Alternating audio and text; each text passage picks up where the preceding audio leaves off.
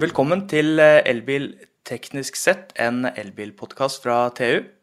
I dag skal vi snakke om elbiler og vinterkulde. Hvorfor er det egentlig sånn at elbilene kjører kortere om vinteren og eh, lader saktere? Eh, for å snakke med oss om dette, så har vi med Elbilforeningens testansvarlig Ståle Frydenlund. Velkommen tilbake, Ståle. Jo takk. Eh, det var hyggelig sist. Jeg håper det blir hyggelig i dag òg. Ja.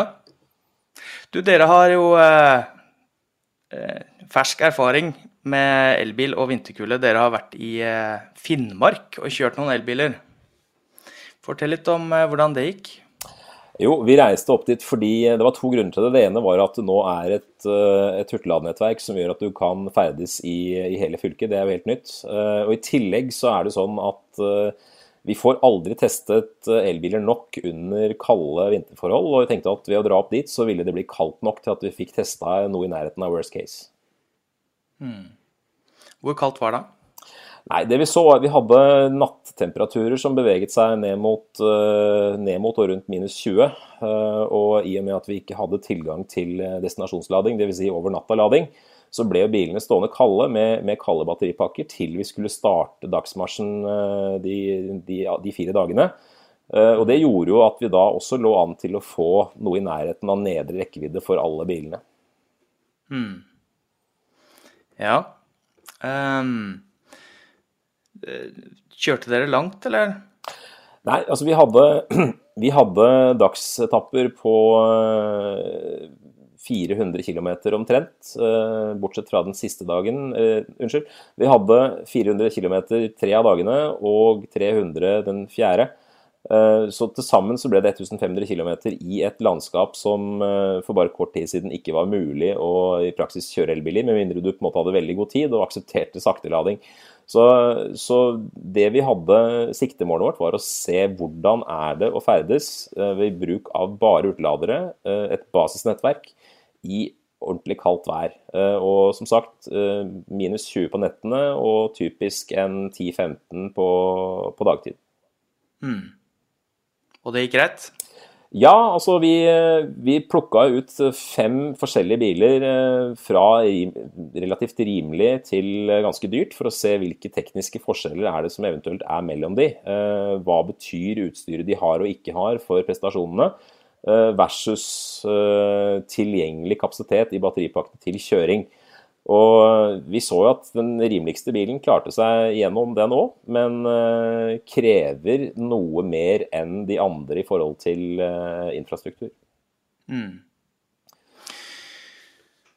Um, nå er det jo sånn at alle elbiler, eh, alle biler, også fossilbiler og elbiler, har jo høyere eh, forbruk om vinteren.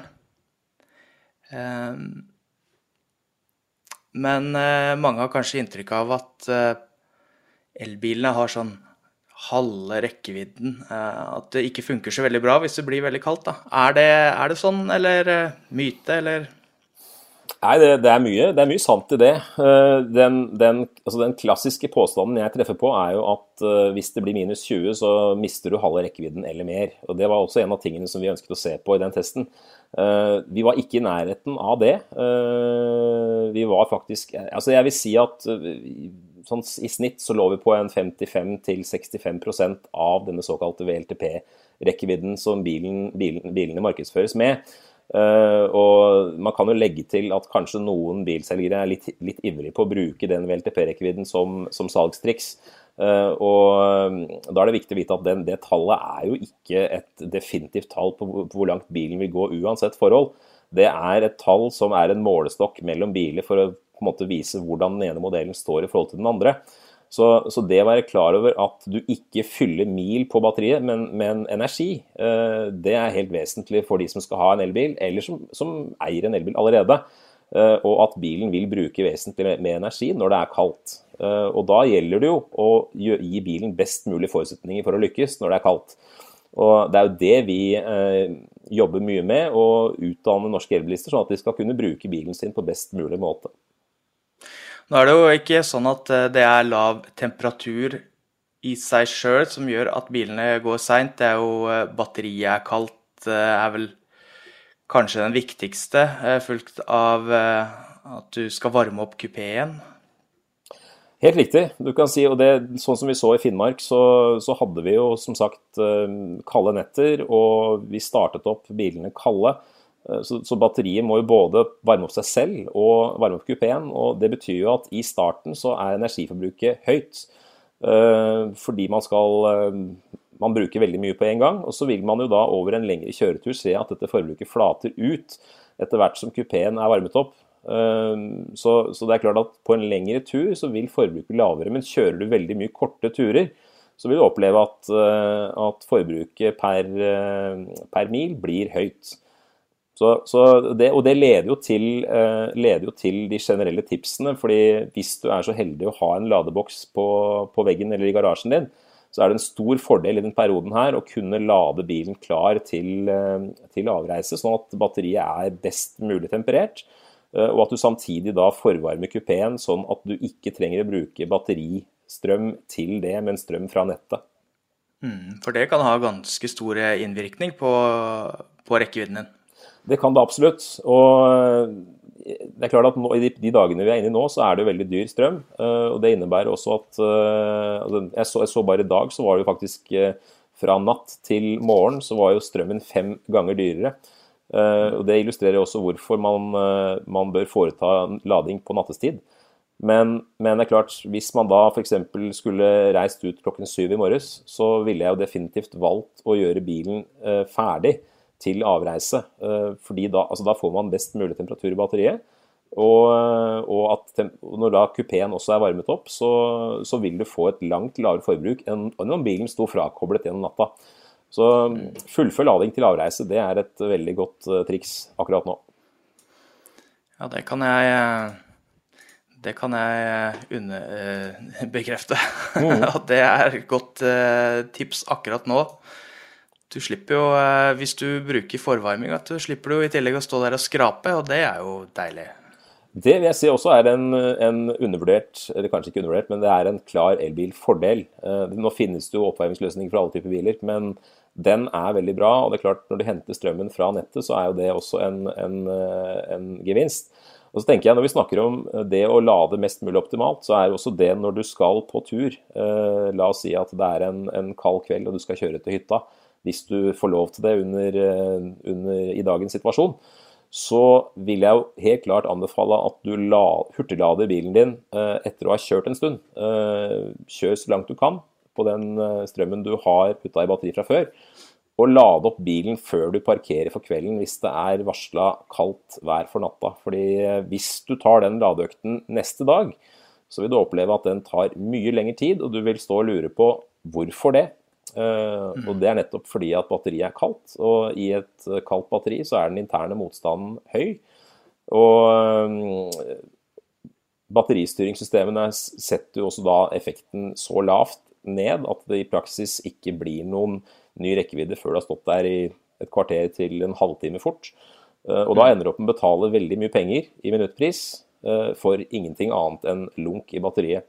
Det mm. unngår du hvis du lader opp batteriet etter å ha kjørt en stund eh, og fått opp mm. en viss temperatur. og Det er også viktig å få fram til, til folk at det er et helt vesentlig poeng. Og Det er også kanskje litt viktig det du sa om at det er systemet som styrer det. For at bilen kunne jo eh, lada med full effekt selv om batteriet var kaldt. Men det hadde mm, kunne skade batteriet, så det hadde ikke, ikke vært så veldig lur eh, strategi. Helt riktig. og du kan si det er jo sånn, sånn, Jeg møter jo ofte på folk som sier at ja, men altså mobilen min den dør jo i kulda. Og diverse andre elektriske komponenter som, som har et batteri i seg med dårlige batteristyringssystemer gjør ikke den samme jobben som i, eh, som i en elbil. Eh, og systemet er jo satt opp for å beskytte batteriet mot slitasje som det ikke bør få. Eh, og Det betyr jo også da at du ikke får dytta på den strømmen du ønsker før batteritemperaturen er høy nok til at det kan motta den effekten sikkert. Mm. Så de testene jeg har gjort gjentatte ganger i kaldt vær, er så varierer 15-30 minutter før det faktisk begynner å komme noen ny rekkevidde inn. Uh, og Da vil man jo etter hvert se at når temperaturen i batteripakka stiger, så, så, får du stadig mer effekt inn, men det tar mye mer tid enn i sommerhalvåret. Så det er det er mange grunner til å, til å, velge gode ladestrategier om vinteren, hvis mulig. Men nå hender det jo selvfølgelig at du ikke kan. Altså du, du er nødt til å stoppe ved en ladestasjon selv når det er kaldt. Da, men da er det viktig at du er forberedt på at det vil ta tid. Mm. Så hvis du kan, så hvis du har mulighet til å gjøre det riktig, i anførselstegn, så vil du spare både penger, eh, og det blir mindre kødannelse på, på stasjonene. Mm. Det her er jo en eh, Det er jo en utfordring for alle elbiler, men kanskje særlig for elbiler med store batteripakker. Eh, for å ta min egen erfaring, da, så har jeg jo kjørt en eh, Renault Zoe i mange år. Og det er jo et ganske lite batteri på den. Den og Nissan Leaf og disse fem, seks, sju år gamle elbilene. Går helt fint å kjøre langt på vinteren, eh, fordi at du tømmer batteriet én gang, hurtiglader det én gang, og så har batteriet den eh, driftstemperaturen. Eh, det er jo ikke så lett å få til med et eh, stort batteri. Og da er det jo noen biler som varmer opp batteriet, har prediktiv oppvarming av batteriet. Men det er ikke så veldig mange. Hvorfor det? Helt riktig. og du kan si Det er også en ting som, som jeg, altså Utviklingen går jo heldigvis framover. Men, men, det som er litt utfordrende, er å, å gi et klart bilde av hvordan uh, hvordan den enkelte elbil presterer under de forholdene vi har nå. Altså, vi får jo spørsmål mm. om det. Uh, så man må nesten ha altså du kan si det, det, krever ganske mye å holde den fulle oversikten over de tekniske forutsetningene hver enkelt modell har. Uh, og Det bruker jeg ganske mye tid på selv, og jobber med å spa meg lenger og lenger ned i detaljene. Uh, noen av dem er tydeligere enn andre, mm. og andre er si, altså det, er et litt uklart bilde. Men, men, det er som du er inne på, en stor batteripakke vil eh, ta lengre tid å få varme i. Eh, og så er det jo også forskjell på, på bilene i forhold til om de har, eh, om de har aktiv varming, kjøling, eh, væskebasert system for, for det. Eh, eller om, det, eller, om det, er på en måte passive løsninger, eldre løsninger. Eh, så og så har du også, I tillegg så så er det enkelte modeller som har eh, løsninger for forvarming underveis. Som er lagt opp, som er koblet da til eh, navigasjonsløsningen, som, eh, hvor du da stiller inn på at du skal kjøre til en hurtigladestasjon et eller annet sted. Og så vil mm. bilen da bruke av sin eh, lagra energi til å forvarme batteriet underveis til ladestasjonen. Som jeg tenker er en god løsning dersom du har nok energi eh, i batteripakka til at du kan unne deg det ekstra forbruket det innebærer. Eh, mm. fordelen er selvfølgelig at når du kommer fram til hurtigladestasjonen eller lynladestasjonen, så har du, eh, kan du ha en forventning om at ladehastigheten blir vesentlig mye høyere.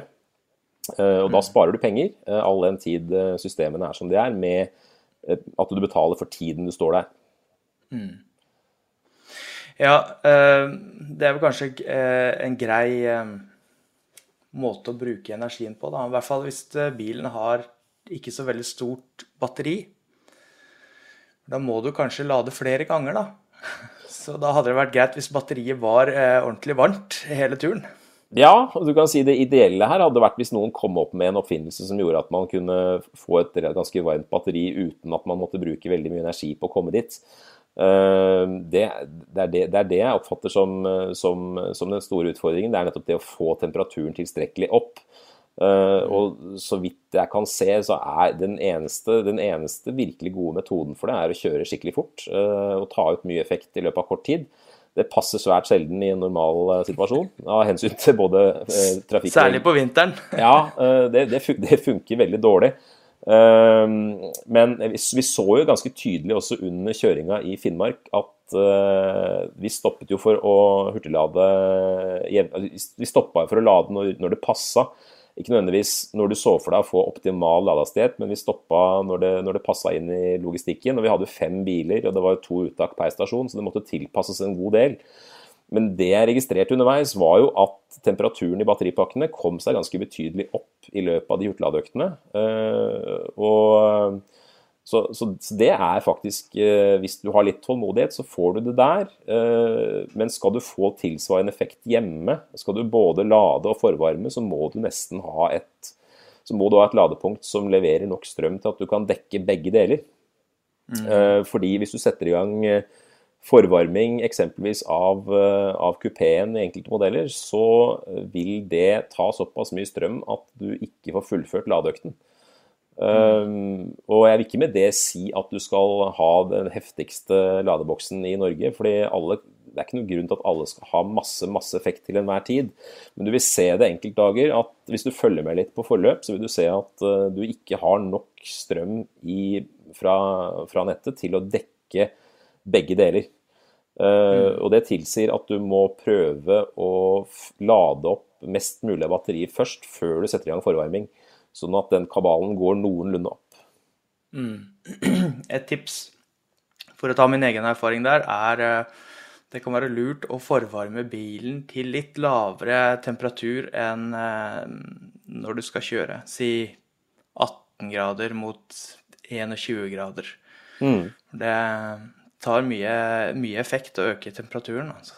Det er jeg helt enig med deg Så du kan si, og det, det er også noe som, det, det, er faktisk helt sant. fordi typisk Altså, sånn, disse varmeelementene i, i, bilene trekker typisk en 6-7 kW på, på maks. Uh, og det er når du velger uh, saunatemperatur uh, og drar den helt til maks. Dvs. Si, hvis du setter den til 30 grader i kupeen, så vil du være på det nivået. Men senker du til 18, som du sier, så vil du typisk trekke kanskje to. Uh, om jeg skal gjette på et tall. altså Det vil variere litt, det òg. Men, men, det betyr at da har du faktisk eh, under en tredjedel av det trekket som du har hvis du velger sauna. Mm. Uh, så, og det vil uansett gi deg en ganske behagelig bil hvis du sammenligner med temperaturen ute. Og da har mm. du den basistemperaturen du trenger for å opprettholde komfort. Så et veldig godt tips du kom med der. Men jeg kjører jo en del land og strand rundt sjøl i forskjellige elbiler og treffer en del mennesker på ladestasjoner. Eh, og jeg har eh, flere ganger truffet folk som kanskje har kjøpt sin første elbil, eller kanskje første gang de er ute og kjører på vinteren. Og de står og eh, er frustrert over den opplevelsen av å komme på ladestasjon, og så går det kjempeseint å lade. Kan det kan sånne opplevelser eh, være med på å eh, si Gi folk et dårlig inntrykk av elbil. Jeg bare tenker på det at i en god stund så var det jo de som kjørte elbil, de hadde satt seg inn i det, de fleste. ikke sant? Visste hvordan ting fungerte, at det lades seint på vinteren og sånne ting. Men nå er, liksom, nå er det alle. Nå er det ikke nerdene som kjører, uh, kjøper elbil lenger. Er det Kan det være en Ja, en utfordring? ja, ja, absolutt. Jeg vil, jeg vil si det er, det er, en utfordring. Um, og det gjelder særlig hvis den som står der med den elbilen, har kjøpt den uh, uten å egentlig ha satt seg særlig inn i forkant uh, om hva dette innebærer. Um, og Det er jo nettopp derfor vi fortsatt jobber, uh, jobber med, mye med dette feltet også, informere medlemmer om, om dette. Fordi det, nettopp fordi at det er mulig uh, å få elbilen til å prestere veldig mye bedre enn det vedkommende opplever der og da. Um, jeg tror også informasjon, altså det, å få ut tilstrekkelig mye informasjon om hvordan man gjør dette best mulig, er det beste trikset. Fordi Det er ikke sånn at den bilen er nødt til å underprestere, den, men den kan fint underprestere så ille at du har lyst til å rive av deg alt håret du har. Uh, eller ikke har, eventuelt, som i mitt tilfelle. Uh, men, men altså, for, for det, det, kan være ganske kjipt, og det er jeg helt enig i. Og det, det, er grunnen til at jeg bruker såpass mye tid på å finne ut av det. Uh, men, men utfordringen er å nå fram til akkurat den personen du snakker om. Fordi at eh, de som kanskje burde vite mest om det, eh, vet ikke, og vice versa. Eh, ekspertene vet veldig godt hva, som, hva dette går i, og sikkert mange av de som, som er innom her. Men det å nå fram til ferskingene, det er den største og viktigste utfordringen fra mitt ståsted. Så, mm. så, det å gjøre det, forenkle det budskapet og få det best mulig fram, det er, liksom, det er noe av det som virkelig er en hjertesak for meg. Fordi mm. vi har, ser jo, og erfaring gjennom år, gjennom mange år med dette, viser jo at uh, det går faktisk an å få til fint en 75-80% av den rekkevidden du har resten av året, hvis man får det optimalt til. Men det er klart, som sagt, hvis du ikke har et ladepunkt, en ladeboks hjemme, og er nødt til å finne deg, et, finne deg en, stolpe i en eller annen gate eller hurtigladen når bilen er kald, da er det ikke så gøy om vinteren. heldigvis mm. så er den perioden med streng kulde vanligvis ikke så lang. Så det, det, handler om å faktisk bruke de triksene man har i ermet for å komme seg gjennom de kaldeste månedene, og så er det jo bare smilende våren kommer. Heldigvis. Eh, legges det for mye på brukeren? Altså, jeg mener, burde ikke bilprodusenten legge opp til at det her skal være enkelt og greit? Eh, at man ikke trenger å tenke så mye på strategi osv. Og, så og ta i bruk f.eks. aktiv forvarming av batteriet, bl.a. Jeg tror det ligger en ganske, ganske mye, mye altså det, det, er, mye ugjort på brukeropplevelsen uh, vinterstid uh, i årene som kommer. Det å sørge for at bilen er best mulig skodd fra start, og at tjenesten henger sammen. Og at bilen, først og fremst at bilen ikke er oversolgt med for mye rekkevidde. At, at kunden har fått et inntrykk av at bilen skal gå kjempelangt, uansett forhold. Eh, da er det viktig at bilen faktisk eh, også kommer med tjenester som gjør det enkelt å bruke den, selv for de som ikke er veldig opptatt av å følge med på strømpriser og, og i det hele tatt. At, eh, at, det, at, det, er mer sømløst. Så det på dette med vinterklima så er det mye å hente på å gjøre bilene mer brukervennlige. Mm. Både i forhold til teknisk utstyr de har, og, og hvordan de informerer brukeren om det. Definitivt. Det, så, så, jeg tenker liksom, Men jeg ser jo utviklingen går riktig vei. altså Stadig flere modeller får varmepumpe, som gjør at de sparer eh, strøm til oppvarming, også under suboptimale forhold. Og også batteripakker som har mer avansert eh, temperaturstyring. Um, og tåler vinteren bedre. Det så vi også tydelige forskjeller på mens vi var i Finnmark. Eh, noen ting som overraska meg også på, på underveis. No, altså biler som gjorde det bedre enn jeg så for meg. Og, og kanskje også Det var ingen som skuffa meg, men det var noen som overrasket i, i positiv retning. Uh, og vi har jo også mast om det her i møte med bilprodusenten i årevis, om at uh, gjør bilene mest mulig uh, skuddsikre for norske forhold gjennom fire årstider. Um, så jeg tenker at når vi lar det gå noen år til, og bilene får enda litt bedre basisrekkevidde, så så er mye gjort. Men jeg fikk spørsmål i Finnmark fra folk eh, om eh, hva slags elbil jeg mente de burde kjøpe. Og mitt klare råd var, eh, om, du, om, du, ser uavhengig av teknisk utstyr, kjøp en elbil som har god basisrekkevidde. Eh, sånn at du har noe å gå på. Eh, at du kan unne deg at du sitter igjen med, med to tredjedeler av den, av den, rekkevidden som du kanskje ble tuta ørene fulle med fra en, fra en selger. og at det duger til behovet ditt i det daglige.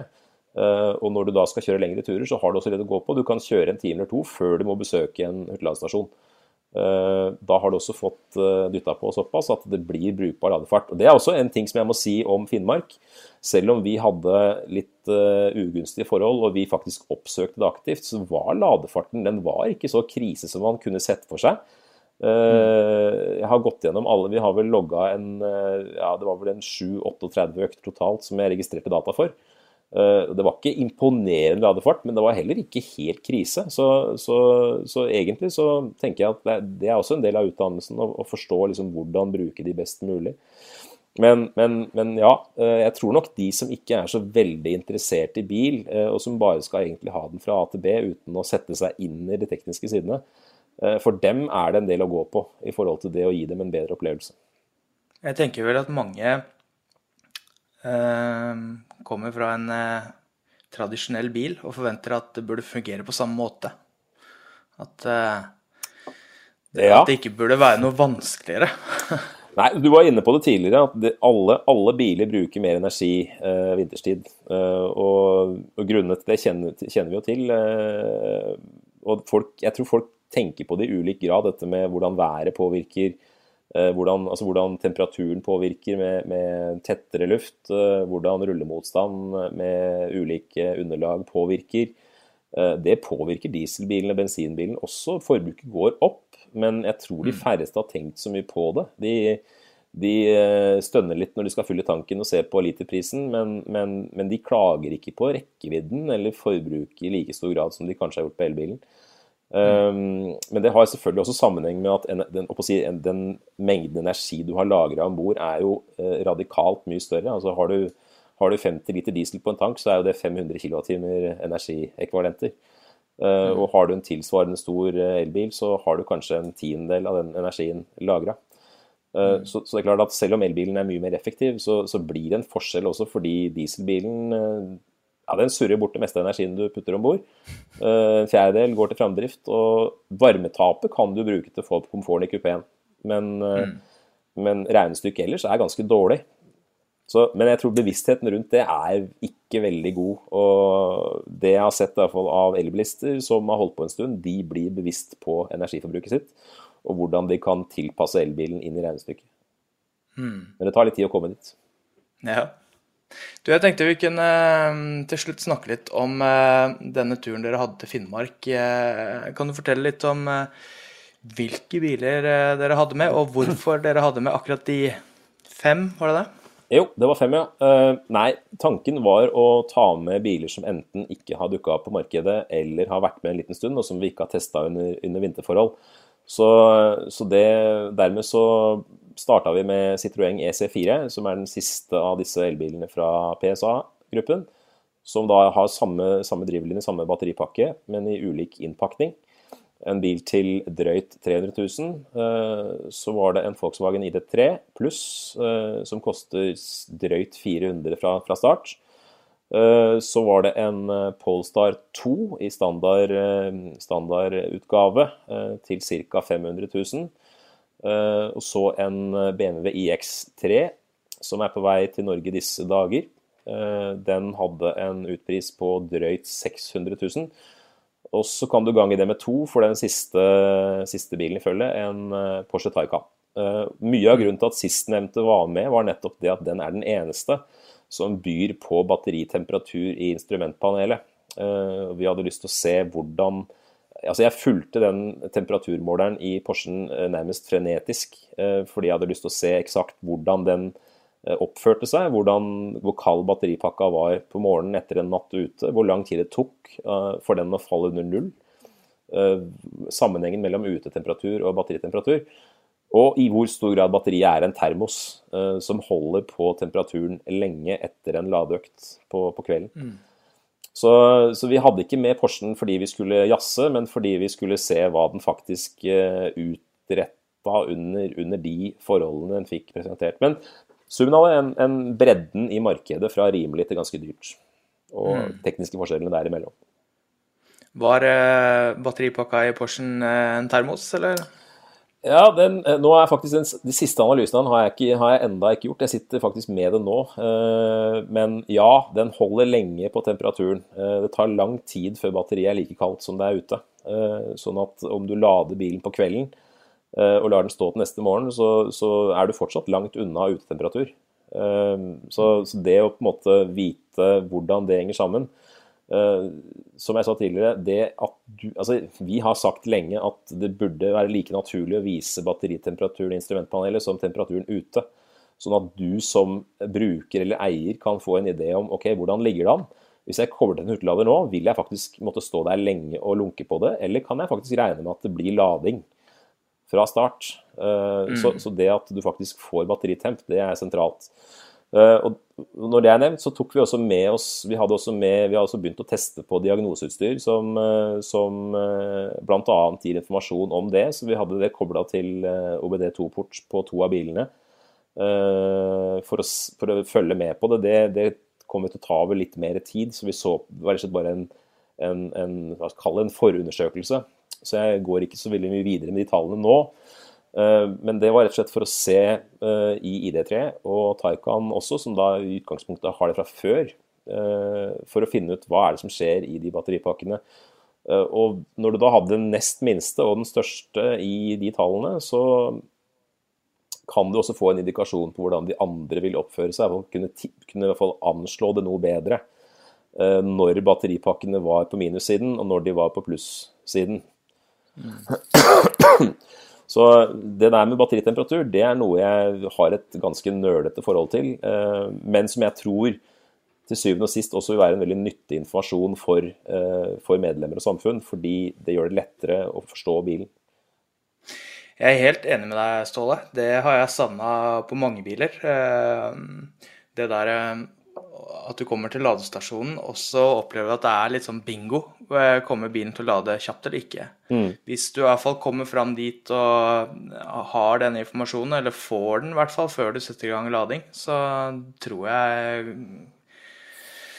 Ja, det, det hadde gjort noe med brukeropplevelsen for mange. Ja, og så er det den der, altså denne tommelfingerregelen som, som forteller deg at så lenge batteripakka er på minus, på minus så vil du sannsynligvis ikke motta ladeeffekt i det hele tatt. Uh, mm. Men når du er på pluss, når du kommer over, over, null, så vil rekkevidden gradvis sive inn i batteripakka.